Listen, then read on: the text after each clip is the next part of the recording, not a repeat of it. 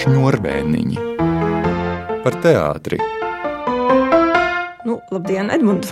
Mēs tiekamies studijā, man jāstāda tev priekšā uzreiz tā oficiāli. Tas ir Edmunds Freibergs, mans sarunu biedrs. Un patiesībā mans kolēģis nu jau diezgan daudzus gadus Nacionālajā teātrī, un tātad es pati esmu Ieva Struka, kas paralēli teātris kritikai un zinātnē arī esmu teātris literārās daļas vadītāja. Tomēr tā ideja, kādēļ es gribēju sākt šo ciklu ar tevi, ir tāda, ka atšķirībā no daudziem, daudziem saviem kolēģiem šai ļoti sarežģītajā sezonā, tu strādāji un strādāji pie ļoti grūtas, ļoti skaistas lugas, pie Tennessee Viljams ilgu tramvaju Malmieras teātrī. Un tas bija tas pirmais pamudinājums, kādēļ man gribējās par to runāt, jo man bija tā iespēja būt klāt ģenerāla mēģinājumā, tukšā zālē un būt vienai no četriem vai pieciem cilvēkiem, kas šo ģenerāla mēģinājumu noskatījās. Bet, uh, diemžēl, ir arī 13. janvāra skumjā ziņa par Astrīdas Kairiša aiziešanu mūžībā.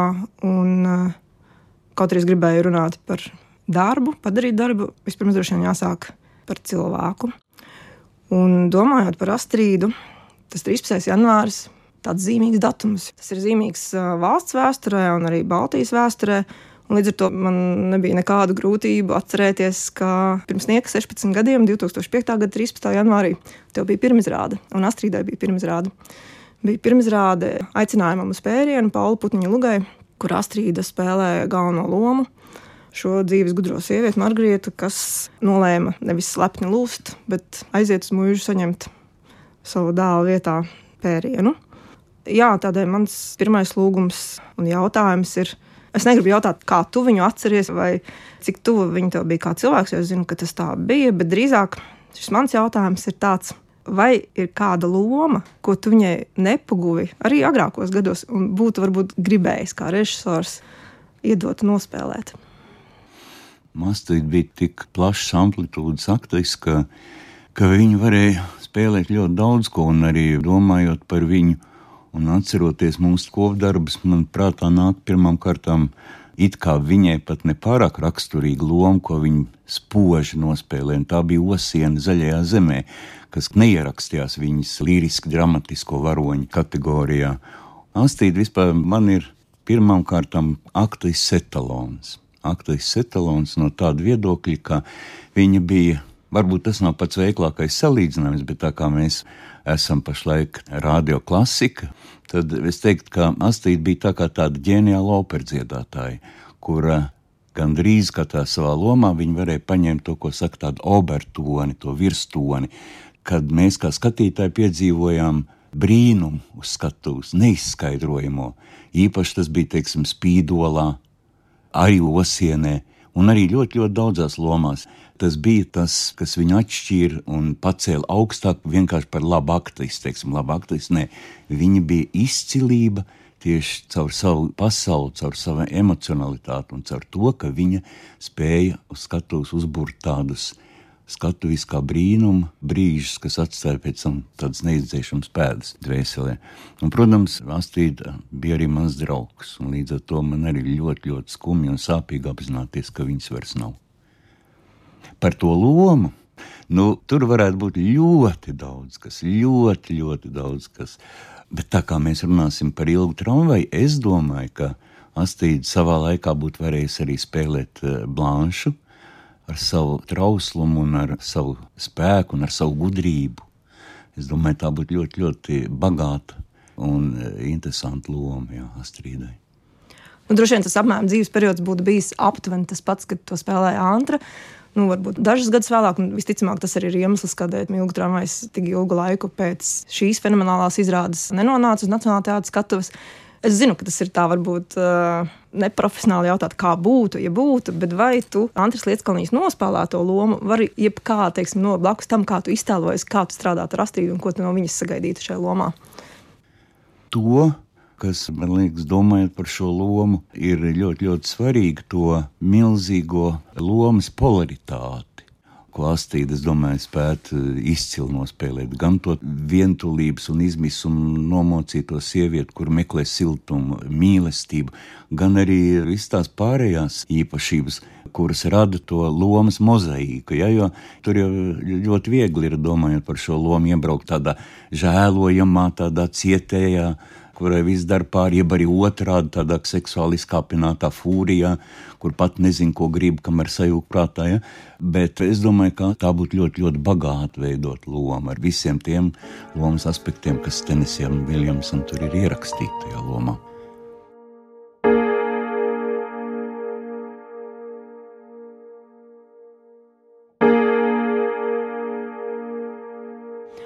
Tagad, dodoties uz Valmieru, šī ir otrā izrāde divu sezonu laikā, kur tu strādā uz Valmieras teātras lielās skatuves. Abās ir uh, jau puķi. Tātad abi ir pazīstami darbi. Kādēļ šādā secībā, kādēļ tu sāki teiksim, ar tādu kā vieglu raksturu salonu komēdiju, un tad nāk ilgu tramvajs, jo teorētiski varēja būt arī otrādāk? Varēja būt visādi. Pirmkārt, jāsaka, ka tā bija tāda atgriešanās Valmjerā pēc ļoti, ļoti daudziem gadiem, jo savu darbu profesionālā teātrī sāku pagājušā gadsimta 70. gadā, tieši 70. gadā, tas nozīmē, ka pēc 50 gadiem iznāca atgriezties Valmjerā.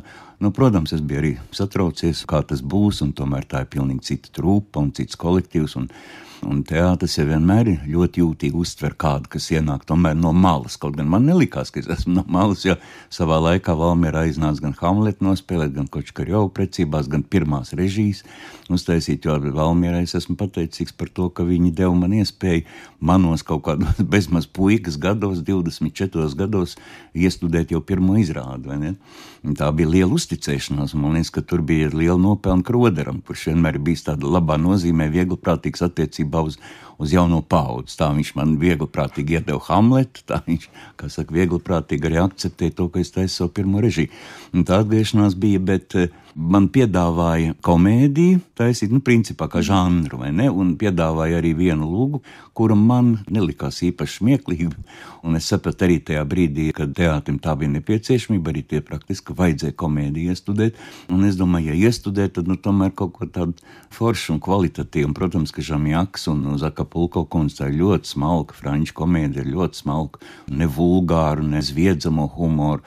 Un tajā lūgā ir arī tas, kas man visu mūžu ir interesējis un sevišķi jau tādā pašreizējā periodā interesē tāda cilvēku pētniecība, arī komēdijā, vai ne cilvēku attiecību pētniecība, kāpēc ir tā un kāpēc atbildēt uz ļoti daudziem jautājumiem, un to var darīt arī taisot komēdiju. Ne tikai pirmām kārtām domāt, nu kā tā iztaisīt tā smieklīgāk, tā smieklīgāk, bet uh, uzdot tieši tos pašus jautājumus sev un aktieriem, kāpēc, kāpēc, kāpēc, kāpēc. Nu, tikai tas ir tajā žanrā. Tā, kā, tā tas iznāca, ka es iesāku ar šo te, un tad strādājot ar Ievu Puķi, kur arī debitēja teātrī manās izrādēs, Skoderienās Silmačos un Indriķa kronikā, es skatījos, ka viņi tiešām ir nu, tādā profesionālā pilnbriedā. Un teātris direktore Evita Sniedz teica, nu, lai padomā, varbūt par nākamo sezonu varētu kaut ko taisīt. Un man visu laiku, kā saka, domas aizķērās, domājot tieši par Ievu. Jo man jau šķiet, ka tas ir ļoti svarīgi teātrī, veidojot repertuāru. Ne tikai ka režisori apmierina katrs savu ego, teiksim, bet viņi domā arī par, par aktieru attīstību, par tiem aktieriem, kur to ir nopelnījuši, vai ne? Ar savu līdzinējo darbu. Un tad man vienu brīdi uznāca tāda apgaismība, bet kāpēc sieva nevarētu spēlēt blanši? Ja?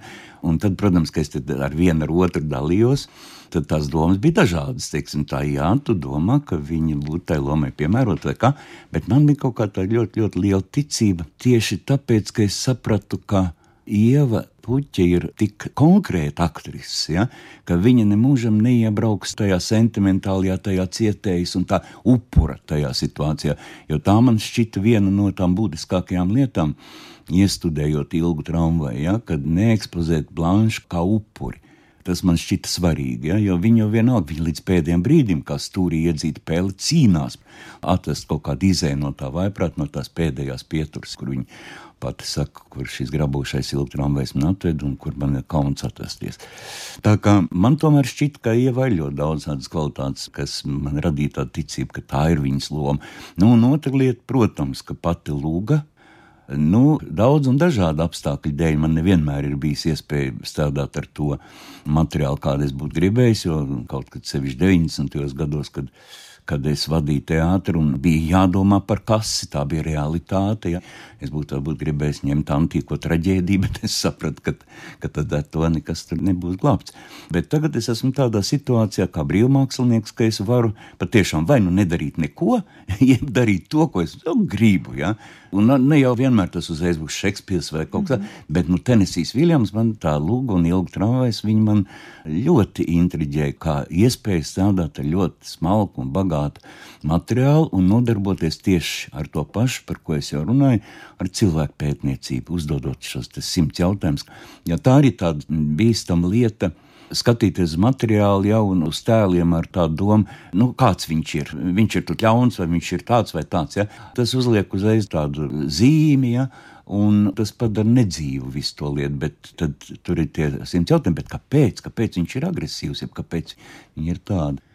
Vienkārši tā ir bauda strādāt ar ļoti labu dramaturgiju un mēģināt iespējami uzmanīgi ielasīties tajā materiālā. Jo man arī vienā brīdī skatoties, teiksim, es saprotu, postmodernais teātris ir klasikas interpretācijas, visstrakākās un visdūlākās, un tur ir savs foršums arī iekšā, tur ir kaut kāds tāds radošums atkal.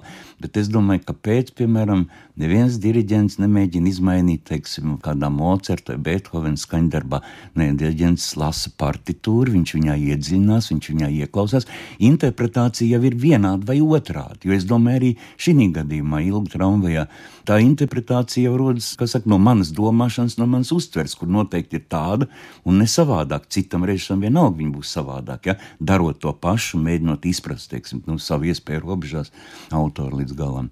Tā kā tie motīvi bija vairāk. Un es esmu priecīgs, ka man tāda iespēja bija, arī paldies Valmijas teātrim. Mēs esam, pateicoties šai senajai izrādē, aprobējuši to nosaukumu ilgu tramvajs, bet nu, principā viņu var tulkot arī kā kaisli. Un, kā tu starp šiem diviem vārdiem izšķiries vienkārši tā, ka tā bija pieņemts, ja tavs tramvajs vairāk ved uz ilgām? Jo vārds atļauj abas variantus. Jā, jā. Nu, pašam par savu darbu ir faktiski grūti pateikt, jo dabīgi, ka tai miesiskajai pusē šajā lugā jeb tiem uh, seksuāliem motīviem, ja, tur viņiem ir sava liela nozīme. Ja, bet tas nav pašmērķis. Tas ir tā kā Blanche saka, jā. Tas viss bija, man bija tie sakari, bet tās bija dzīves alkas. Jo tajā brīdī, kad man apkārt bija tikai nāve, nāve, nāve, man bija tā vēlēšanās, un tas ir pilnīgi arī saprotami, kur vienā brīdī aizmirsties un ieiet kādā citā zonā. Ja? Bet man jau šķiet, ka tomēr man ir vairāk ilgu tramvajs. Ja? À, tu pat tā to redzi, jo man savukārt, lasot lūgu, mazliet redzējot, ir bijušas šīs domas par to, ka tāpat nav vēlme aizmirsties, bet ka teiksim, viņa jau tiešām ir bezizējā. Viņa iet no rokām rokās tādēļ, ka viņai arī par to maksā. Viņai nav no īstenībā. Jā, bet ar, ar maksāšanu nesākās. Mm, nē, ar maksāšanu nesākās. Sākās ar jā. to, ka visapkārtās nav viņa viena pati pie tam. Līdz tam augusi tā saucamajā Amerikas aristokrātijas vidē, ja, pārtikuša dzīve, saņēmusi labu izglītību un tā tālāk. Un pieprasa vienā brīdī visu dzīvi tev sagriežās ar kājām gaisā. Tu esi viena, faktiski jauna sieviete, viena ar visām tām baisajām problēmām, ar nāvēm, ar naudas trūkumu, ar mājas pazušanu, ar visu, visu, visu to, ja, ka tu nonāc līdz tam, ka tev vienā brīdī gribas no tā visa aizbēgt. Un viņi aizbēgtu, protams, ka tur mājiens lugā par to, ka Blanšai ir raksturīga tāda izkāpināta seksualitāte. Ir. Tāpēc, ka māsa jau saka, Stela Stenlijam saka, jā, Blanšai piemīt dažas īpašības, kuras mm. mums likās nevisai pieņemamas. Ja? Bet Viljamsam tas nav pašmērķis. Tāds, bet tikai tas, ka, protams, ka mūsu dzīve nesastāv tikai no gara un, un maziem spārniņiem, ar kuriem mēs lidojam. Stela, es gribu, lai uzmanīgi paskaties. Paskaties uz manu augu. Es neesmu pieņēmusies svarā ne grāmu desmit gadu laikā. Es svaru tieši tikpat daudz, kā tajā vasarā, kad nomira tētis un tu mums paliki. Tu izskaties neticami jauki. Es redzu, ka te ir apmēram divas istabas, bet es tik tā nevaru saprast, kur tu mani novietos. Tu gulēsi šeit. O, tas ir viens no tiem izvelkamajiem krāstiem, kur apsēžas un izkrīt cauri. Nav tas tik traki. Nu, kāda ir sajūta? Brīnišķīgi.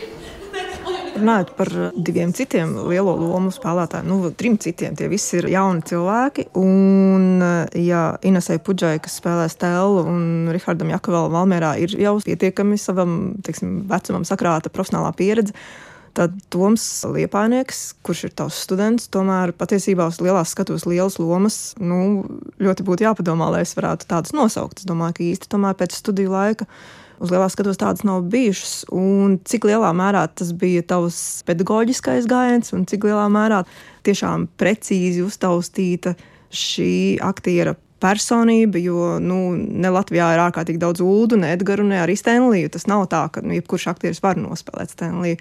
Vai tu mazliet uh, varētu arī pastāstīt par to liepainieku kā pedagogs? Nu, Pirmkārt, gan Rihards Jakovels, gan arī Toms Liepainieks, gan mazākā mērā arī Puģerman bijušie studenti. Tā kā nu, mums jau tas kontakts bija veidojies pirms tam ar Rihardu un Tomu jau četru gadu garumā, protams. Ja, līdz ar to es ļoti labi viņus pazinu jo studiju gados jau tu savus studentus iepazīsti. Un e, Toms pēc studiju beigšanas kādu brīdi bija Nacionālajā teātrī, vien ļoti nelielu brīdi, ar nepārāk laikam arī lieliem uzdevumiem. Bet tam viņš pats izlēma, ka viņš brauks uz Angliju mācīties aktieru mākslu, papildināties. Nu, tas beidzās samērā neveiksmīgi, tad viņam bija sava studija, bet mana pārliecība bija tā, ka viņš, viņš ir talantīgs cilvēks un ka viņam ir vieta uz skatuves arī. Un, nu, tā bija tāda kā saka, daļai provokācija, bet pareizi. Es arī ļoti daudz domāju par to. Nu, jā, nu varētu uzaicināt no cita teātra. Ja? Valnies trupā īsti man tāda pārliecība nebija. Varbūt tā ir mana vaina, bet nu nebija. Un tad, kad es sāku teiksim, tādas iespējamas kandidatūras, bija vēl dažas, ja? bet gala rezultātā to lomu spēlē Toms. Jo ir tāds termins, alfa tēviņš, ja? tas, kas Tenisijam Viljamsam tur ir dots, ne tas vīrietis, barvedis.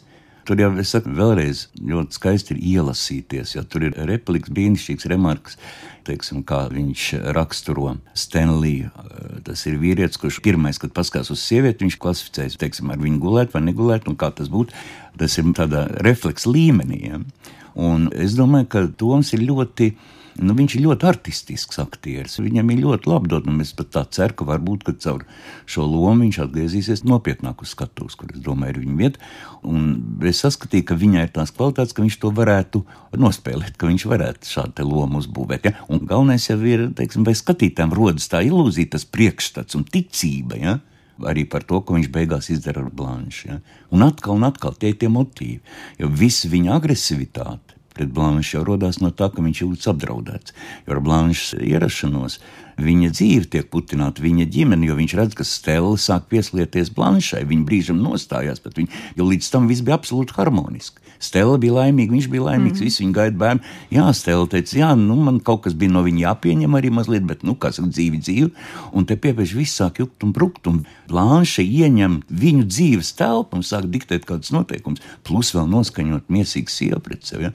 Līdz ar to viņam, tādam cilvēkam, viņa raksturīgajā veidā tas izpaudās tieši tā, aizstāvot faktiski no vienas puses sevi, ja? un, un arī plus vēl polīts, polīts. Ja? to, ko viņš visu mūžu dabūjis izjust, dzīvodams te Amerikā, otrās šķirs cilvēciņš, ja? un arī viņa plāns, ja? no kurienes, no tās baltās mājas, no saviem augstumiem, šeit polīts.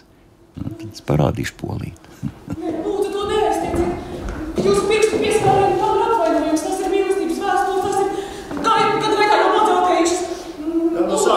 sāk, no sākuma es tās palasīšu. Nē, nē, tad man tās būs jāsapieciet. Dodiet man tās! Dodiet! Tie, tie ir ceļojumi. Tos ir rakstīts zēns, kur es ļoti apvainoju. Tā kā jūs tagad gribat apvainot mani, bet jūs neizdosies. Kāpēc tu teici, ka tu sadedzināsi? Tāpēc, ka katram cilvēkam ir kaut kas, kaut kas svēts un jāskan. Lūdzu, lūdzu, lūdzu, nerunāsim par to vairāk. Es jūs ļoti- Lūdzu. Runāt par tādu laika zīmogu un to, ka šī luga tomēr arī ir dažas desmitgades jau pārdzīvojusi. Es, gatavoties šai sarunai, atcerējos kādu savu aktieru meistarības studenti, kurai es mācīju teātrus vēsturi, kas par ķiršu dārzu teica, Nē, nu, ja šie cilvēki nesaprot, ka ķiršu dārzs ir jānozāģē, nu, tā ir viņu problēma. Un, principā, viņiem nav vietas uz šīs saules. Un domājot par ilgu tramvaju, kaut kādā ziņā man likās, ka tur ir tāda sava paralēla. Ja cilvēks vienkārši ar čemodāniem ierodas māsas mājās un pasakā, vispār es te uz nenoteiktu laiku dzīvošu, ja? nu, kā tam Stenlijam rīkoties? Vienkārši viņš ierāda viņai savu vietu. Un tad es domāju par to šim laikam raksturīgo tādu empātijas vai spējas iejusties trūkumu.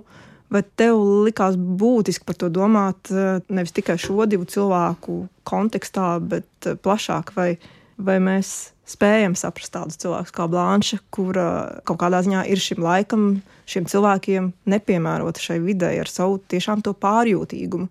Jo nu, dzīve prasa mazliet racionālāku rīcību. Viņai ir šis neracionālais, nu, kā viņa redz to pasauli. Nu, tu man izņēmi vārdus no mutes, jo tā bija arī viena no tādām būtiskajām tēmām, jeb lietām, kas man iestudējot, lūgu nodarbināja. Nu, es plānoju, teiksim, nodēvēt par kritušu eņģeli, bet nevis eņģelīti, ja, bet kritušu eņģeli. Un tad es domāju, vienu brīdi mēs arī mēģinājumos runājām, ka šie kritušie eņģeļi taču ir arī mūsu vidē, aktieru vidē. Un mēs varētu viņus nosaukt, un es zinu, ka tev mēs nesauksim, bet tev prātā jau uzreiz ir vairāk, ja? gan tādi, kas ir aizgājuši no dzīves, gan arī tādi, kuri dzīvo un par kuriem mēs varētu teikt kritušie eņģeļi ar skaistu dvēseli, bet drausmīgi samocītu dzīvi, un tad atkal kāpēc, kāpēc, kāpēc. kāpēc ja? Un tad ir tas jautājums par empātiju un par to, kā mēs šie pareizie un racionāli noskaņotie cilvēki uz to reaģējam. Ja? Nu, kad izskatās, ko darīja Silmečos, tādam vajag gar. Ja? Tur ir tas lūgas trauslums, jo es domāju, ka Viljams arī bija kritušais eņģelis būtībā taču izcila personība ar ārkārtīgi interesantu, sarežģītu iekšējo pasauli, ja viņš varēja tādas lūgas uzrakstīt. No otras puses, mēs zinām, kāda bija viņa dzīve, cik viņa bija traģiska, cik viņa bija pretrunīga. Ja?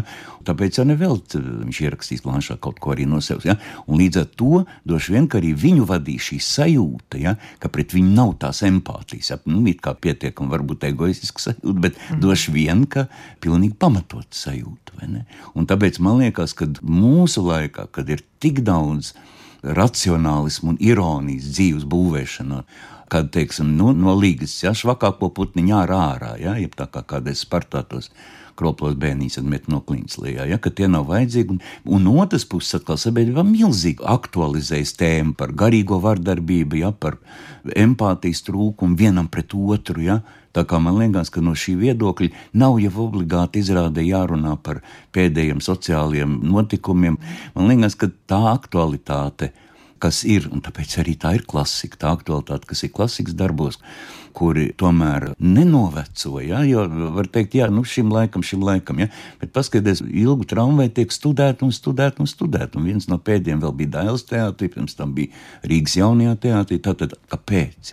Nu, protams, viens no motīviem skaidrs, ka tur ir kārdinošas lomas. Nu, tās ir lomas, par kurām aktieri var tikai sapņot. Bet otrs arī ir šī mūžīgā tēma par mūsu visu attiecībām, par to, tiešām, kā mēs izturjamies pret tiem kritušiem eņģeļiem.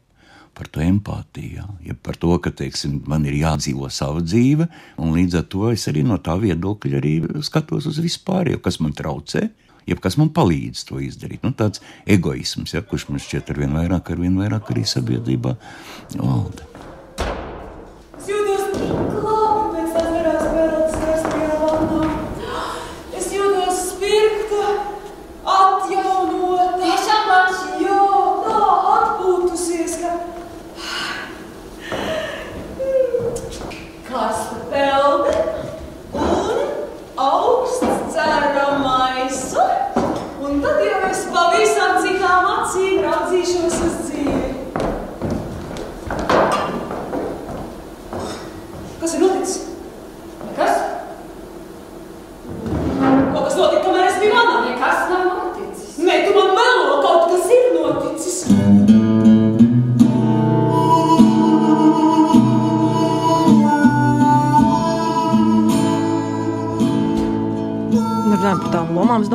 tiešām arī ir tāds lakmus papīrīts, jo Covid ietekme, protams, arī liedza klātienē redzēt Mihaila Grusdova diplomu darbu izrādi ilgu tramvajas, bet uh, es redzēju to ierakstā, un tieši tā arī uh, Mihails Grusdovs parāda savus audzēkņus patiesībā no tādas labākās puses, jo zirgu pastā iestudētais ilgu tramvajas ir tas ir divreiz īsāks. Tad viņi rūpīgi iznājuši tekstu, nu, kā jau diplomu darbu izrādē, tomēr neņemot pilnu materiālu, bet tajā pašā laikā nu, visi jaunieši, kas tur četri strādā, nu, viņi parādās no tādas vislabākās puses. Protams, Arī par to ir jādomā, cik daudz tu spēj savos 20 gados saprast blanšas, drāmu vai pārdzīvojumu. Bet, eh, jā, es domāju, ka tas ir tāds profesionālās latiņas ļoti laba pārbauda. Nu, to var pārbaudīt tātad arī ar Viljams Lūgu, ne tikai, Jā, teiksim, ar Čekovu. Tur es atkal varu piekrist, un par ko ir ļoti jādomā. Vien, it kā ļoti vienkārša lieta. Ja? Laba dramaturgija, bagāta dramaturgija, kas audzina aktieri. Ja? Jo, ja ilgstošu laiku aktierim jādarbojas, un labi, aktieri to arī veiksmīgi izdara, savu talantu, viņš to it kā mazliet viduvējo materiālu, viņš ar savu fantāziju, savu iekšējo pasauli, viņš bagātina, viņš izveido, un tur rodas kaut kas interesants, bet, bet aktieri paši tas noplicina. Bet darbs ar tādu bagātu dramaturģiju viņš vienmēr aktierim paver un papleš vēl kādu zonu viņā. Ja? Un tā man šķiet, ka šī gadījumā notika gan ar Ievu, gan ar Tomu, gan ar Inesi un ar Jakovelu mm. Rihardu. Tā kā tam tiešām ir liela nozīme. Un tas, ka vienu brīdi parādījās, bet tas ir ļoti jauki, visādas domas parādās. Nu, kad dramaturgi vispār nav vajadzīga. Ja? Nu, mēs paši varam atcerēt kaut ko, ja kāds profesionālāk atnāk un mums palīdz viņa tā sakārtot visu, un redz, ludziņu gatavu, smuki un spēlēm ludziņu, ja? bet tā ir ludziņa. Ja? Jo, ja jau visi varētu būt Šekspīra, vai Viljams, vai Olbija, vai nezinu, vēl kādi izcilie dramaturgi, tad jau tas būtu brīnišķīgi. Bet, diemžēl, nevienmēr tas tā arī ir.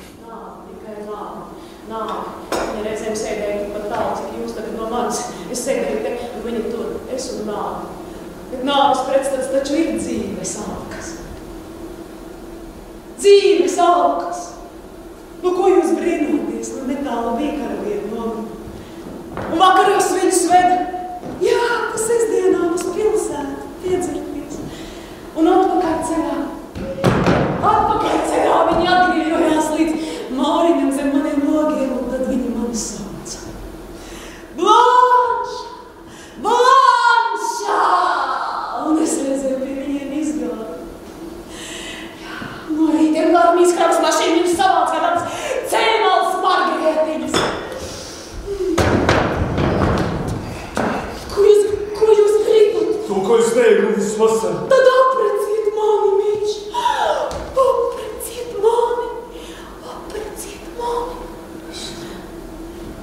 negribu vairs tevi precēt.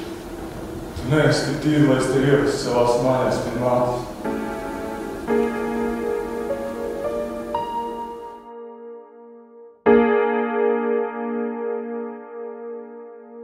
Un noslēgumā, nu, man Valmīras teātris, protams, saistās ar ģimeni. Varbūt tādēļ arī, ka es pati tur pirms daudziem gadiem strādāju, vairākus gadus, bet uh, kā tu šeit ģimenē? Vai tu esi jau ģimenes loceklis, jeb tomēr joprojām krustāvs, kurš atbrauc no Rīgas? Nu, droši vien, ka uh, es vairāk jūtos kā ģimenē, tādēļ, ka tā bija atgriešanās. Jo tie pirmie četri gadi, tiem bija milzīga nozīme vispār visā manā radošajā biogrāfijā no viena viedokļa. Ģimene jau strīdās arī, protams, kaut kas, ja, bet šī pleca sajūta, ja, un šīs rūpes par tādu nu, jaunāko bērniņu, kas tikko ienāca teātrī, ja, kad viņam vajag lomas, kad viņam ir jādod darbu. Mēs jau zinām, teātris bez darba, ja ar tādiem nebūtiskiem uzdevumiem jau tā attīstīties nevar. Un līdz ar to tur man tā ģimenes sajūta radās tik lielā mērā, ka es aizgāju uz Rīgas stažēties pie Jaunšāna ar domu pēc diviem gadiem atgriezties, atgriezties savā ģimenē. Mm. Nu, neatgriezos pēc diviem gadiem, atgriezos pēc daudz ilgākiem gadiem, bet atgriezos. Protams, kad ir vēl aktieri vēl no manas paudzes, ir arī mani pirmie studenti - Johansons, Janus, Aigars Vīlims, Ramutines ir jaunā paudze, bet tur atkal ir mani studenti. Ja, tā kā es neienācu pilnīgi svešā vidē. Un līdz ar to man šķiet, ka es neesmu onkulis no Rīgas. nu, nu, saka, Dievs dos veselību un tādas iespējas būs. Es ļoti labprāt arī Valmjerā vēl kaut ko. Man ir idejas, man ir idejas. Jā. Bet nu, tās, lai paliek droši vien, protams, jā, tā māņķicības dēļ noteikti. Jā. Edmunds, liels tev paldies, ka tu piekriti atnākt uz sarunu, ka mēs varējām parunāt par uh, izrādi, ko redzējis tikai retais, bet atliek cerēt, ka to drīz, drīz, drīz varēs redzēt daudz cilvēki. Un Ieva Puķa mirdzēs kā blanča līdz ar visiem saviem kolēģiem. Nu, jā, piesit pie koka un tut, tut. Paldies tev uz tikšanos! Paldies! Pirmā reizē mans viesis bija Edmunds Freibergs, režisors, aktieris, pedagogs, un mēs runājam par ilgu tramvaju. Es atvados, studijā bija Ieva Struka.